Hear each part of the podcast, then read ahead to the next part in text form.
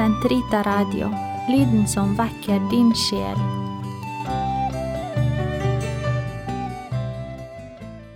Den katolske kirkes katekisme, uke 38, torsdag 1520 til 1525.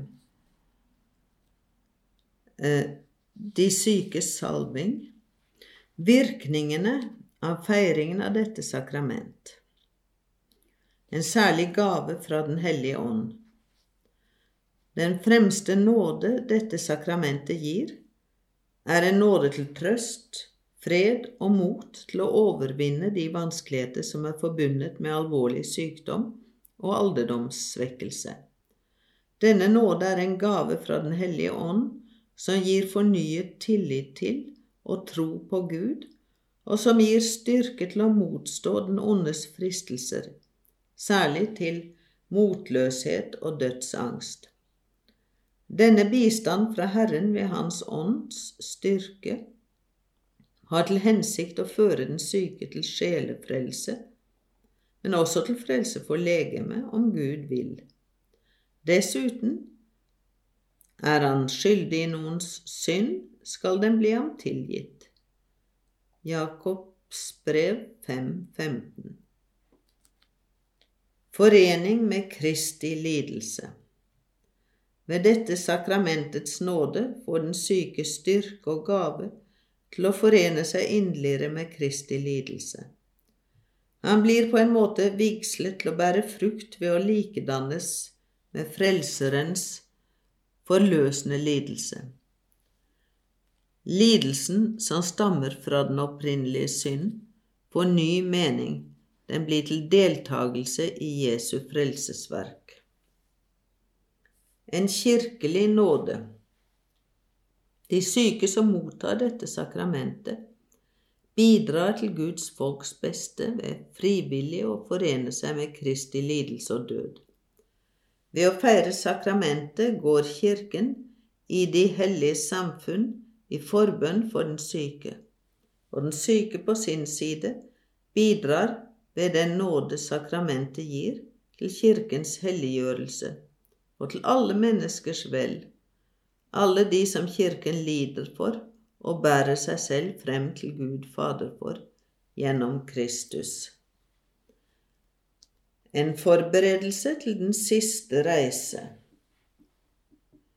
Om sykesalvingens sakrament meddeles alle dem som lider på grunn av alvorlig sykdom og svekkelse, er det desto større grunn til å gi det til dem som er i ferd med å forlate dette liv, slik at det også, at det også er blitt kalt sacramentum exeuntium.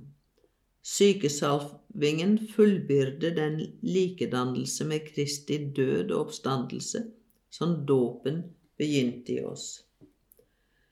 Den fullfører alle de salvinger som er milepæler på kristenlivets vei. Dåpssalvingen satte det nye livs seil på oss. Fermingssalvingen styrket oss til det nye livs kamp. Denne siste salving bygger som en borgmur rundt vårt jordelivs siste stund, før den siste strid utkjempes og vi går inn til Faderhuset. Vandringsbrødet, den kristnes siste sakrament. I tillegg til sykesalvingen rekker Kirken eukaristien som vandringsbrød til dem som er i ferd med å forlate dette liv kommunionen ved Kristi legeme og blod i det øyeblikk man er i ferd med å gå til Faderen, får en særlig mening og betydning. Den er det evige livs sæd og oppstandelsens kraft, slik Herren har sagt.